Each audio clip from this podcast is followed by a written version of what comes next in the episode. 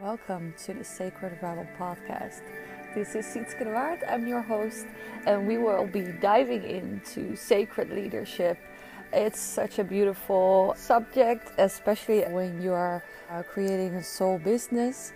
How can you be in a business with joy, with passion, but also with integrity, with love? How to create a beautiful life and a beautiful business from the deepest desires that you have and how to build something that is really, really yours. So, authentic expression that's what we are going to uh, talk into in this podcast. So, grab a tea and sit down tight and enjoy the ride.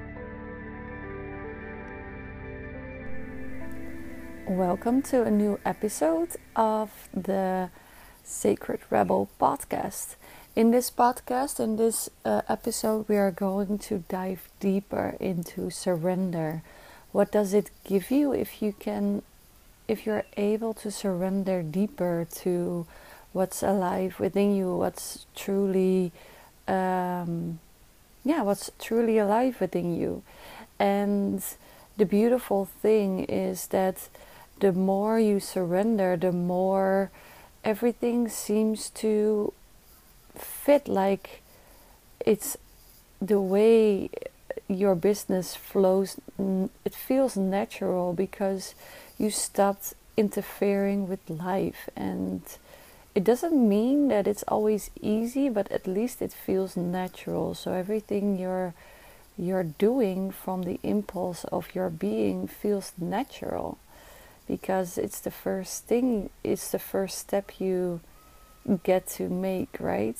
And yeah, let's go in this subject a little bit deeper. Like how how can you surrender deeper to what's there and um, yeah, how can you just let go of control? And it's a deep, deep subject, I would say. So, yeah, first of all, what I've noticed is when I connect deep, deep to my desires, the moment I do that, most of the time a lot of fear and anxiety will come up or or at least some some my system will will go into um, rah, alarm mode, right? Do you, do you do you recognize it that that your system goes in alarm mode, like oh my god, no, because you know if if there wasn't anything that was um, scary about it or new about it, you would already probably have done it, or it wouldn't be an issue. But the moment you connect deeper to what's alive, yeah, things can come up and um, we tend to stay in we stay we tend to stay in this like okay now i have to get it now i have to do it now i have to create this uh, tendency of being in control. But what i've noticed is when i let go of what i think i need to do the the next steps are revealing themselves. And yeah it's a really easy way of entrepreneurship if every time you your next st- step is presented by itself right? It's like oh i need to go there. Oh i need to go there. Oh i need to go there. And you don't have to overthink everything anymore.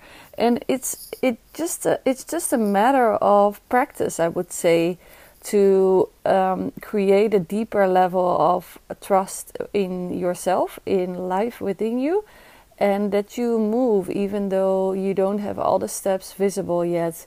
And it's not even possible to have all the steps visible yet because so much is changing every time, and we forget this. But if you ste- step, if you do one step, everything is changed already, so you cannot make the next step because it wouldn't make sense to continue. So, for example, I'm doing ads, I'm running ads, and I could say, like, okay, you know what? I'm doing ads, and I'm going to put this uh, funnel in in place, and then I'm going to have calls, and then I'm going to have sales, and then uh, sure, that's your first draft of your plan. But you know, with step one, you notice, okay, you know what, this this um, this group I'm focusing on on this niche isn't working. Okay, I have to figure something out.